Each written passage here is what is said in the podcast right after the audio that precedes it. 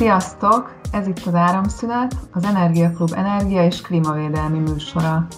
Mai beszélgető társaim, szakértő kollégáim, Munkácsi Béla és Magyar László A téma a klub legfrissebb elemzése, ami a szélenergia a 21. században és Magyarországon címet kapta.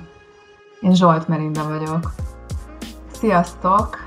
Szia Béla, szia Laci! Szervusz, szervusz! Szia! Mielőtt belekezdünk, kérlek, hogy meséljetek kicsit arról, hogy mivel foglalkoztok. Talán kezdjük Bélával. Igen, én az Ötvös Lórán Tudomány Egyetemen dolgozom, és fenntartható energiagazdálkodást oktatok, kutatok, ezen belül a szélenergiát is. Olyannyira, hogy a doktori értekezésemet is ebben a szélenergiás témában írtam 15 évvel ezelőtt.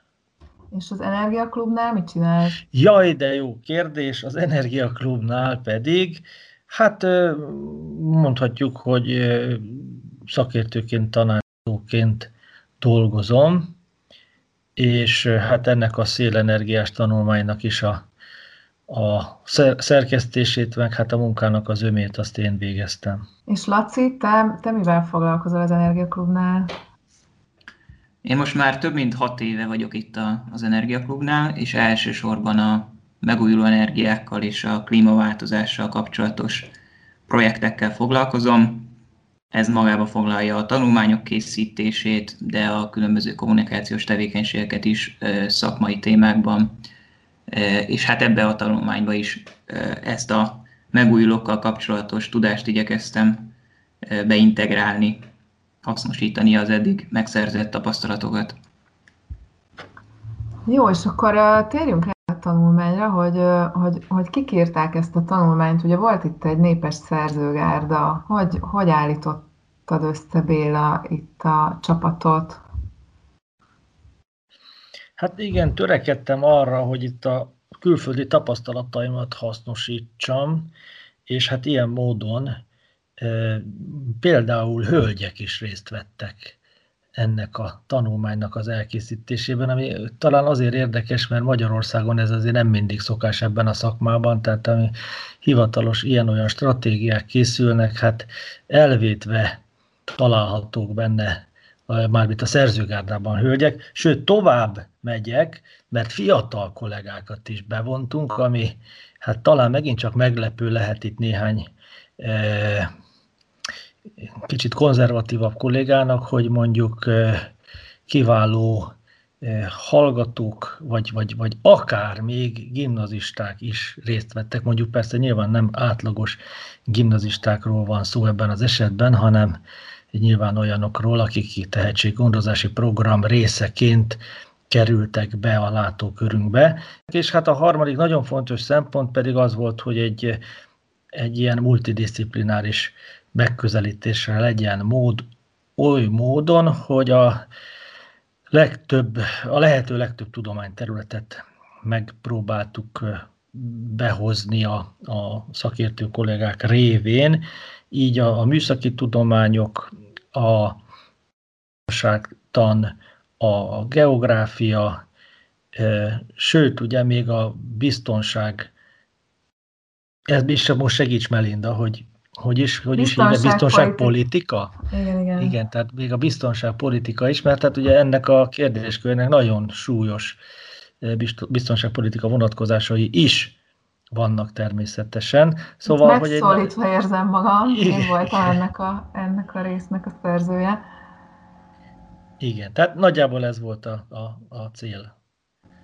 És miért olyan fontos, hogy, hogy a szélenergia témája multidisziplinárisan legyen bemutatva?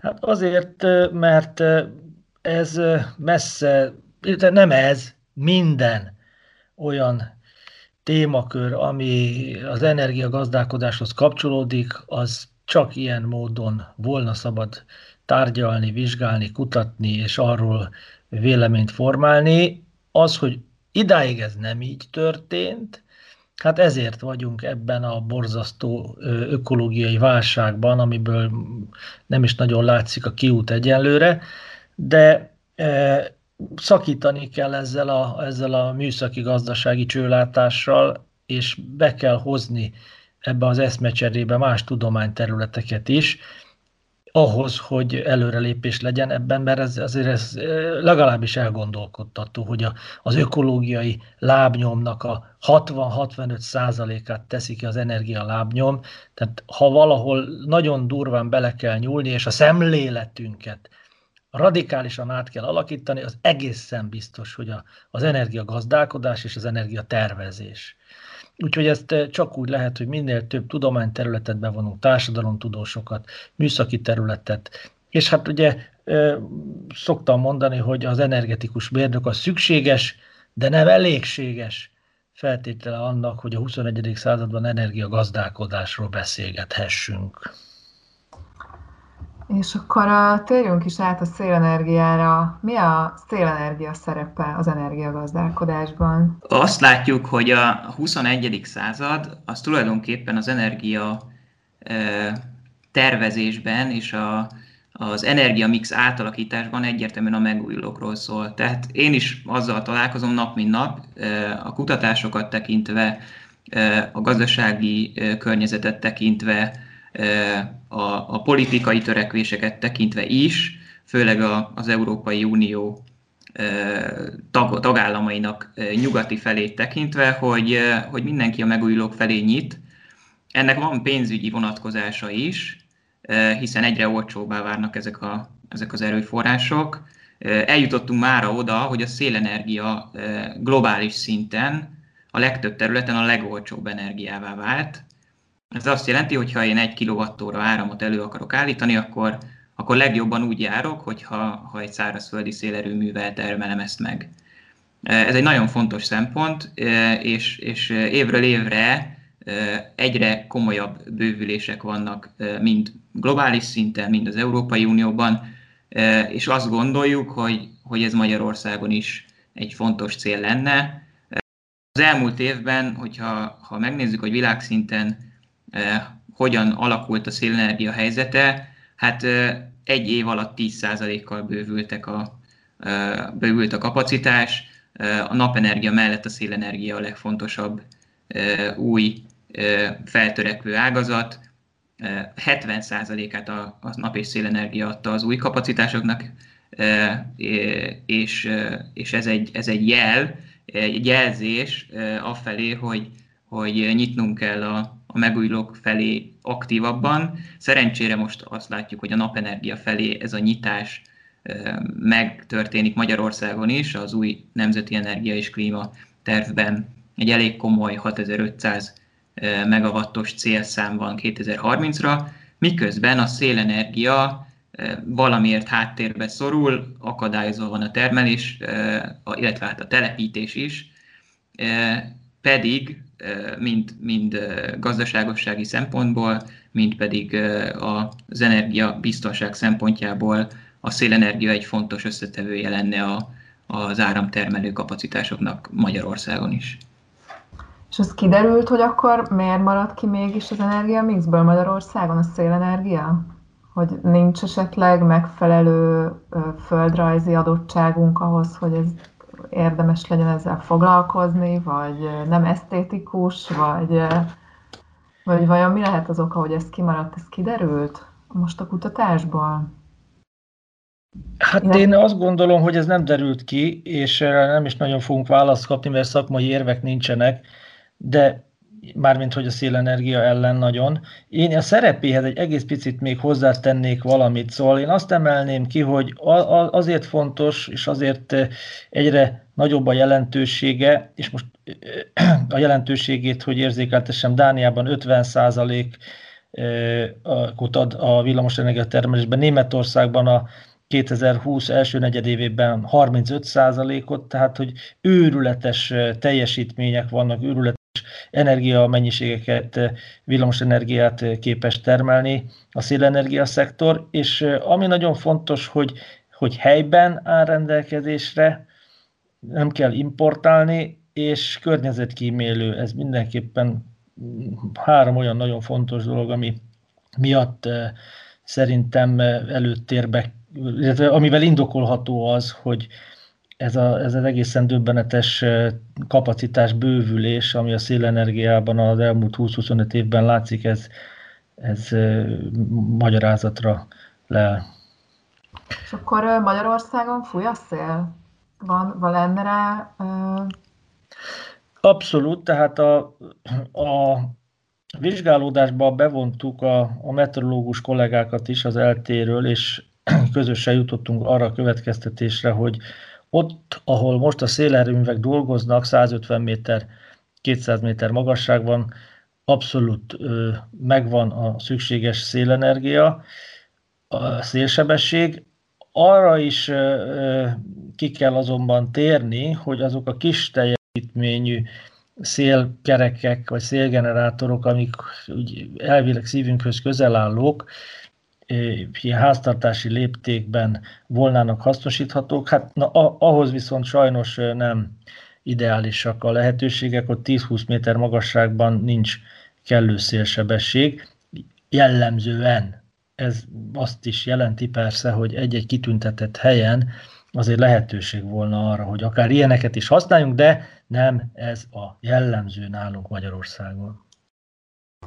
És nagyon gyakran elhangzik az a szélenergiával kapcsolatban, mint, mint hátránya, hogy a, hogy a madaraknak ez problémát okoz, hogy bezavar a vándorlási útvonalba, meg hogy, meg hogy konkrétan belerepülnek. Hogy ez, ezzel mi a helyzet? Ez egy valós érv a szélenergia hasznosítása ellen?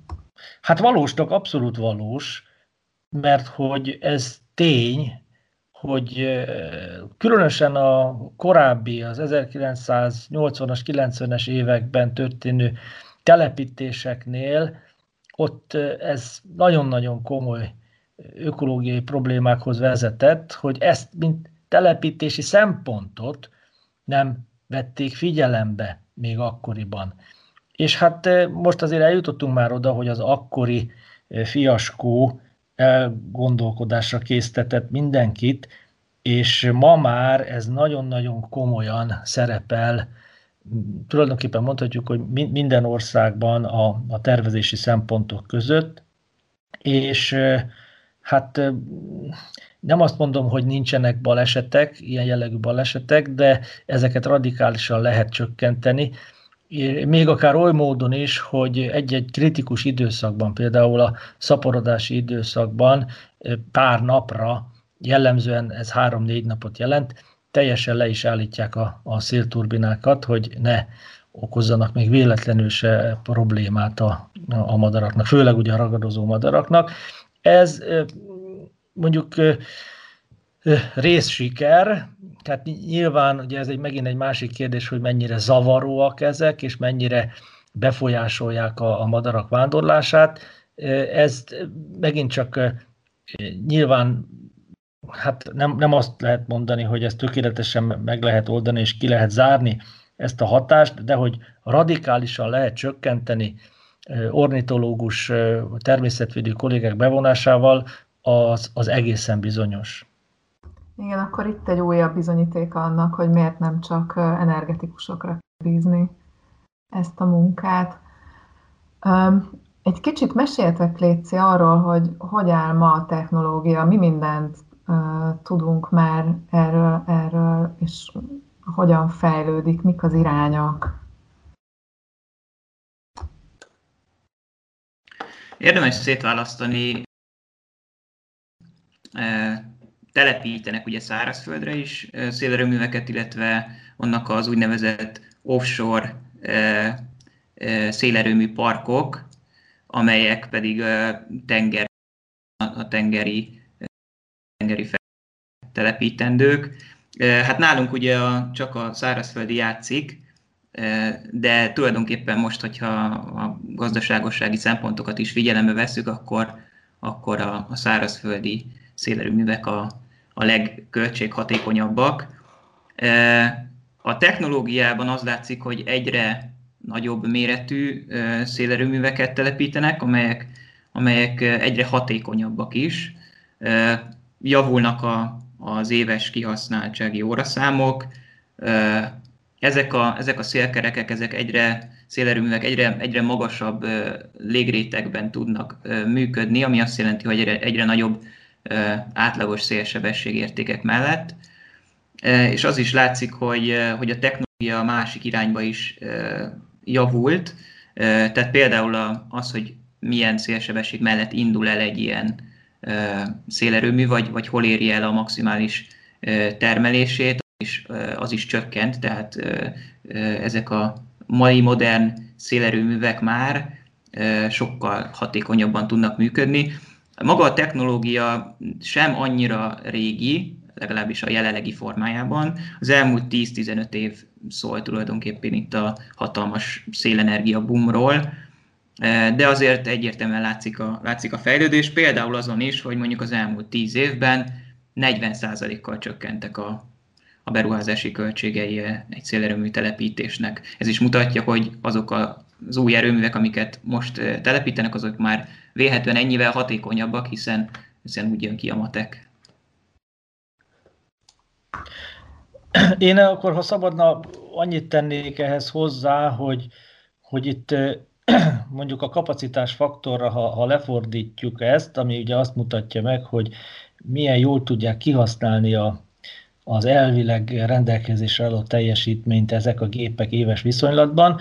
Szóval Magyarország abszolút ott van az európai középmezőnyben, sőt, ugye az Európai Uniós átlaghoz képest a magyarországi szélturbinák, ha csak itt az elmúlt 6-8 évnek az adatait nézzük, akkor jobb eredményt érnek el, tehát nálunk jellemzően 21-26 százalék közötti ez a kapacitásfaktor, az Európai Unióban pedig hát inkább csak, csak 24 százalék volt 2016-ban, és különben pedig jellemzően ennél alacsonyabb értékeket lehet elérni.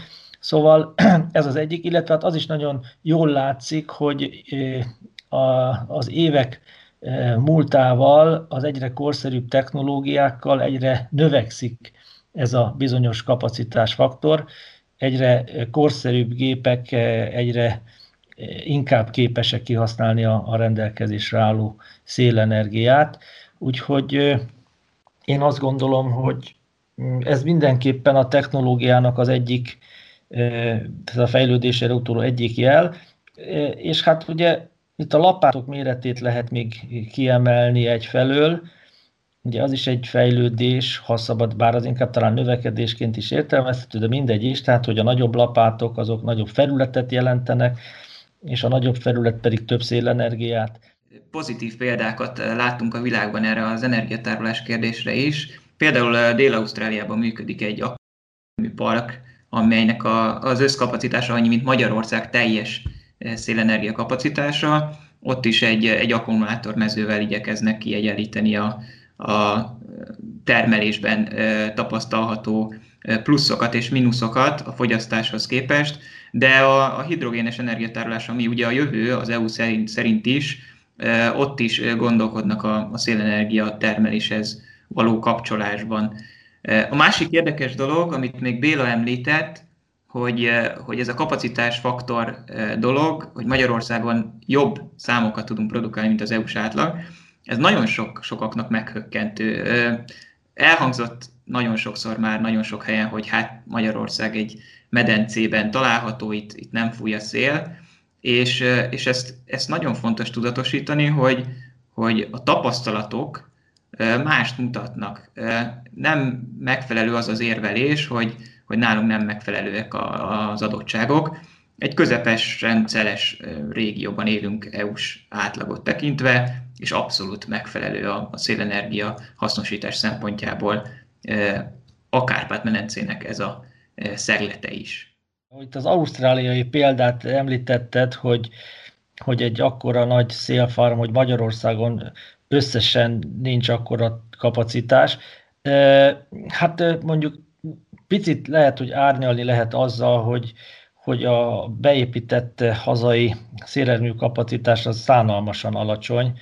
Ez a 325 megawatt körüli, ami most működik, mert ugye nem elég, hogy nem enged a jogszabály újakat telepíteni, de ráadásul azért így ilyen 20 éves üzemidő után szépen lassan kiöregednek a berendezések, hogyha ezeket nem tartja karban, mert ugye erre esetleg már nincs pénz, akkor, vagy nincs figyelem, akkor ezek kiesnek a termelésből. De a lényeg az, hogy, hogy hát azért vannak azért a, akár Európának is olyan térségei, ahol hasonló körülmények között lényegesen nagyobb kapacitások működnek, és akkor most itt például Brandenburgot tudnám említeni, ugye Németországnak az a tartománya, amelyik Berlin közelében található, hát ott körül, közel azt mondja, hogy 9000 megawatt körüli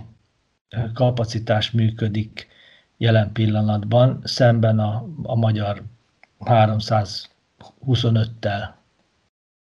De említhetjük akár Romániát is, ahol 3000 megawatt van. Tehát a magyar kapacitás tízszerese. Oké, okay, akkor megtermeltük szélenergiával a szükséges energiát. Hogyan lehet mindezt a rendszerbe integrálni? Például Magyarországon megvannak ennek a, a megvan ennek a lehetősége, vagy, vagy hogyan lehet ebben előrelépni?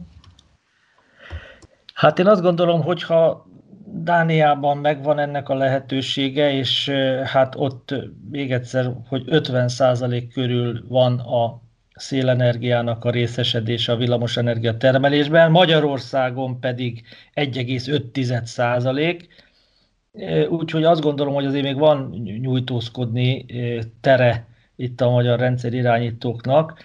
Nyilván itt egyfelől persze szükség lesz majd előbb-utóbb technológiai fejlesztésekre, de szemléletváltásra is, az is egészen biztos, tehát mert Magyarországon kicsit hajlamosak vagyunk arra, hogy, hogy a kifogásokat keresgéljük, hogy szerintünk ezt miért nem lehet megcsinálni, míg, míg mondjuk a, a, a dánok meg megcsinálják a közben. De én azt képzelem, hogy egyetlen egy beavatkozással már óriási lépéseket tehetnénk előre, és ez pedig a villamos energia kapcsán a rugalmas árképzésnek a bevezetése lenne, aminek az volna a lényege, hogy mondjuk nem éppen a, a, a választások közelettével igazítjuk a villamosenergia árakat, a villamosenergia rendszer igényeihez igazítjuk, akár 5-10 perces időközönként a termelés illetve a, a keresletnek a függvényében, és hát kialakulhatnak komoly árkülönbségek e, egy e, kedvező, meg egy kedvezőtlen időszak között, mondjuk 10-20-30 szoros árkülönbségek, amelyek már befolyásoló tényezőt jelentenének a fogyasztók számára, és e, előre vetítenék az okos energiafelhasználást, ami, aminek az a lényege, hogy akkor fogyasszuk a villamos energiát, amikor az rendelkezésre áll, és erre vannak eszközök.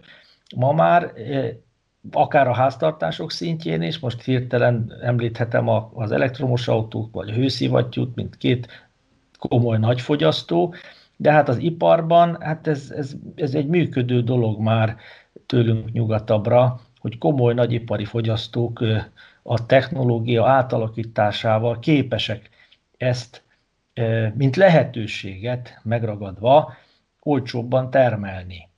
Ugye ez is egy izgalmas dolog, hogy ők is nem, nem egy problémát látnak, hogy úristen, most mi lesz, hanem, hanem nagyon innovatívan állnak ehhez az újfajta árképzéshez.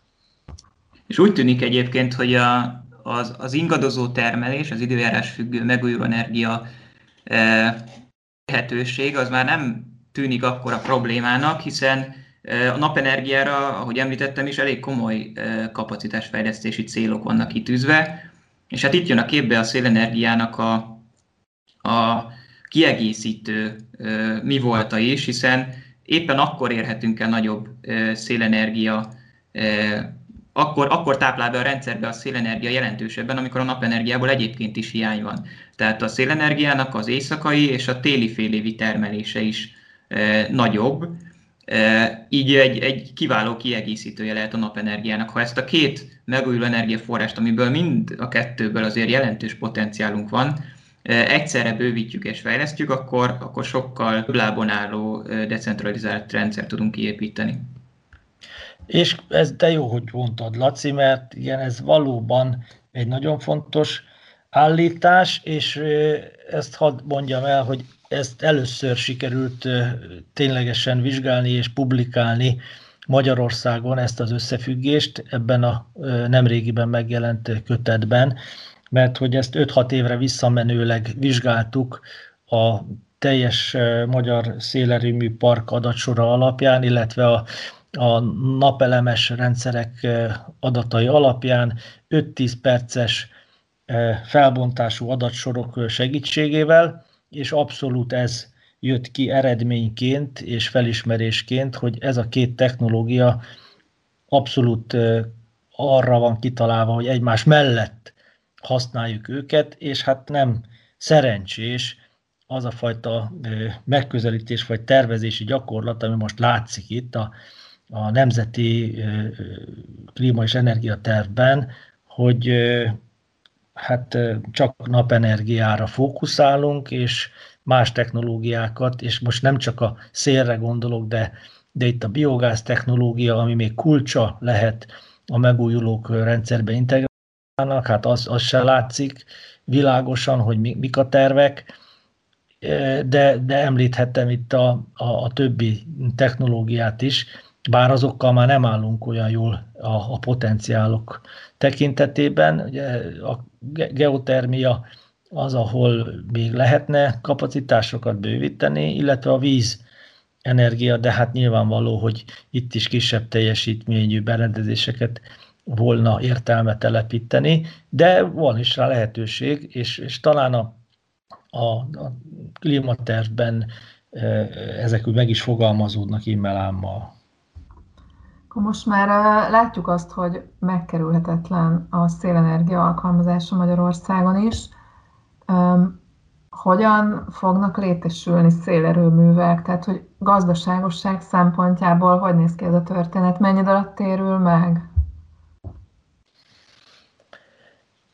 Hát ez abszolút hely, helyfüggő, mert meg típusfüggő, tehát itt van nagy a, a mérnök kollégáknak, hogy a megfelelő helyszínre a, a megfelelő típust kiválasszák.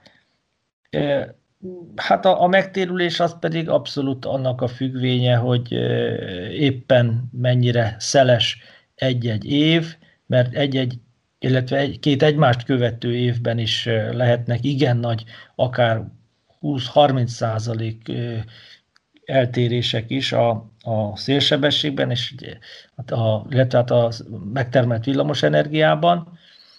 Úgyhogy ez, hát, hogy mennyi a megtérülés, az még ugye a szabályozási környezet is befolyásolja, hogy ugye azt tudomásul kell venni, hogy a, az energiaszektorban minden egyes területen jelen van a támogatás, valamelyik nyíltan, valamelyik kevésbé nyíltan, illetve hát beszélni kell arról is, hogy, hogy az energiaszektor externáliakkal működik, óriási kár okozása van ennek a szektornak, amiket nem fizetünk ki. Most gondoljunk csak az atomerőművek működésére, gondoljunk a nukleáris hulladék elhelyezésére, az ezzel kapcsolatos költségekre, kiadásokra, amiket hosszú százezer éves időléptékben előre tekintve kell kifizetni. Hát ez az, amiket mi most momentán nem fizettünk ki, így egy elegáns várrángatással elintézzük ezt, tehát majd fizessék az utánunk következők azt a azután a probléma után a költségeket, amiket itt mi okoztunk a jelenlegi fogyasztásunkkal. Szóval, hogy e, itt, itt e, éppen ezért van minden egyes országban valami fajta támogatási rendszer a, a megújulókra is, mert hogy különben ezekkel a ilyen-olyan támogatásokkal, amik az atom és a szén szektort érintik, hát nem volnának képesek versenyben maradni. Illetve hát most már, most már ott tartunk, hogy még ebből a hátrányból is szépen lassan eljutunk oda, hogy most már lassan támogatások nélkül is versenyképesek az agyon támogatott széntüzelés és, és atomenergiával szemben. Több dolog is eszembe jutott egyébként most így, ahogy mondta Béla ezeket a, ezeket a dolgokat, gondolatokat. Az egyik az az, hogy, hogy mekkora környezetterheléssel jár egy szélerőműnek a létesítése, mondjuk mekkora a szénlábnyoma. Több tanulmány is született ezzel kapcsolatban, és egy szélerőmű átlagosan 6 hónap alatt megtermeli azt az energiát, ami szükséges az életciklusának a, az egészére vonatkoztatva. Tehát az, hogy kvázi nulla széndiokszid kibocsátással működik, ez fél év alatt elegendő ahhoz, hogy gyakorlatilag kiváltsa ezt környezeti szempontból. Az, hogy a pénzügyi megtérülés milyen, nagyon jó lenne látni a, hazai metárrendszerben, tehát a megújuló energia támogatási rendszerben azt, hogy, hogy hogyan tudnak versenyezni egymással a, a naperőművek és a szélerőművek. Jelenleg így, hogy a, a telepítési helyszínek e, gyakorlatilag az egész országra kiterjedően e, tiltottá teszik a, a, a szélener, szélerőművek telepítését, tehát nincs olyan helyszín, ahol szabályosan telepíthető lenne a szabályozás miatt. Így ezt nem látjuk, pedig nagyon jó lenne, főleg az ilyen 3 megawattos tartományban, ahol a, egy új, nagyobb méretű szélerőmű mérete található, hogy ott, ott hogyan viszonyul egymáshoz piaci szempontból a szélerőmű és a naperőmű Magyarországon, a különböző helyszíneken. Ez egy, ez egy érdekes dolog lenne, és akkor piaci választ kaphatnánk arra is, hogy mennyire versenyképes ez a technológia. Valamint az is egy érdekes szempont, hogy vannak olyan szélerőművek, amik korábban működtek, aztán ezek a szélerőművek esetleg kikerülnek teljesen piaci környezetbe, de mégis, még ezután 5 évig életképesen, gazdaságosan képesek működni. Tehát ez a versenyképesség szempontjából megint egy fontos szempont. A naperőműveknél azt láttuk, hogy nagyjából 13 év alatt egy, egy ilyen 500 kW-os naperőmű megtérül, a szélerőművek nagyságrendje is nagyjából ezt, a, ezt az időtartamot fedi le, valószínűleg, és 25 évig működik egy szélerőmű gond nélkül, tehát azt látjuk, hogy hogy, hogy ez mindenképpen egy jó alternatíva lehet. Annyiszor emlegettük már ezt a tiltást, de még nem bontottuk ki. Ez a tiltás ez abban áll, hogy Európában példátlan módon Magyarországon a lakott területektől 12 kilométeres hát tiltó zónát állapított meg a jogszabály, és hát hogy mekkora ez a 12 kilométer az európai gyakorlathoz viszonyítva, a, a, a durva extrém túllövés az Ausztria esetében 1200 méter, az összes többi országban ennél lényegesen kisebb ez a távolság, Olaszországban például csak 200 méter, és, és mondom, ehhez képest kell ezt a 12 hm. ezer métert érteni.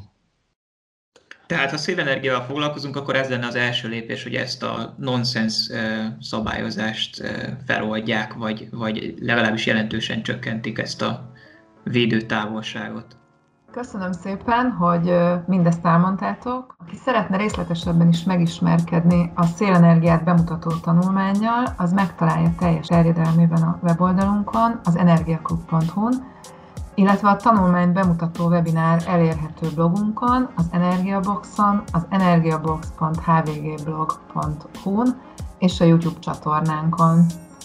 Ez volt már az áramszünet, köszönjük, hogy velünk tartottatok. Köszönjük szépen! Köszönjük! Ha nem akartok lemaradni híreinkről, elemzéseinkről, eseményeinkről, kövessetek minket a Facebookon, és iratkozzatok fel a hírlevelünkre, amit a weboldalunkon megtehettek. Sziasztok!